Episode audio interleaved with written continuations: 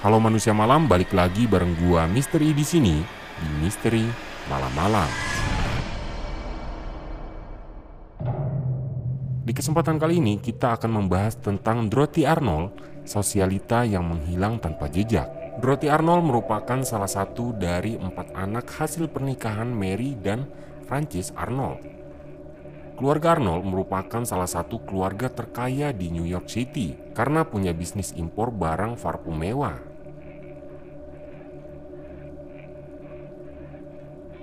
Meski hidup bergelimang harta, Dorothy tidak tertarik meneruskan bisnis impor barang mewah milik keluarganya.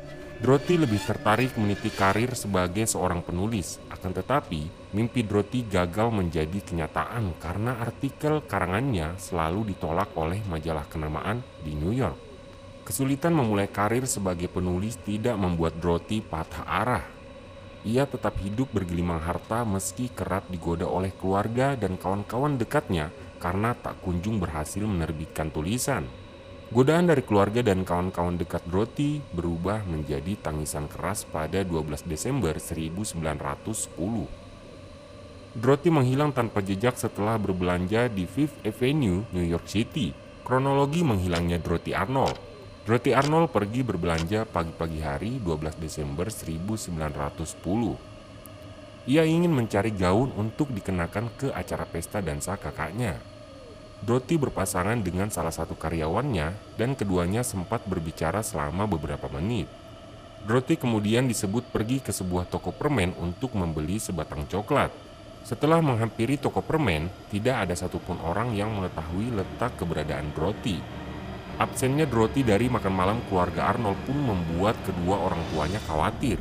Pasalnya Dorothy bukanlah sosok yang kerap bepergian hingga malam hari dan melewatkan jam makan malam keluarga. Mary dan Francis kemudian langsung menghubungi detektif swasta untuk mencari tahu keberadaan Dorothy. Mereka awalnya tidak ingin pergi ke polisi karena khawatir akan pemberitaan di media. Mary dan Francis terpaksa melaporkan menghilangnya Dorothy ke polisi pada awal Januari 1911.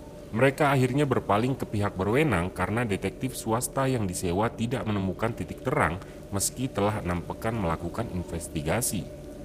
Publik akhirnya mengetahui menghilangnya Dorothy pada tanggal 25 Januari 1911. Pihak kepolisian pun menyiapkan dana sebesar 1000 US dollar sekitar 30.000 dolar USD atau 469 juta. Sayangnya upaya tersebut tidak membuahkan hasil karena tidak ada satupun orang yang memberikan informasi. Awalnya pihak kepolisian sangat yakin Dorothy masih berada dalam keadaan hidup. Akan tetapi, Francis sangat yakin putrinya telah meninggal dunia dan memberikan pernyataan menohok kepada publik.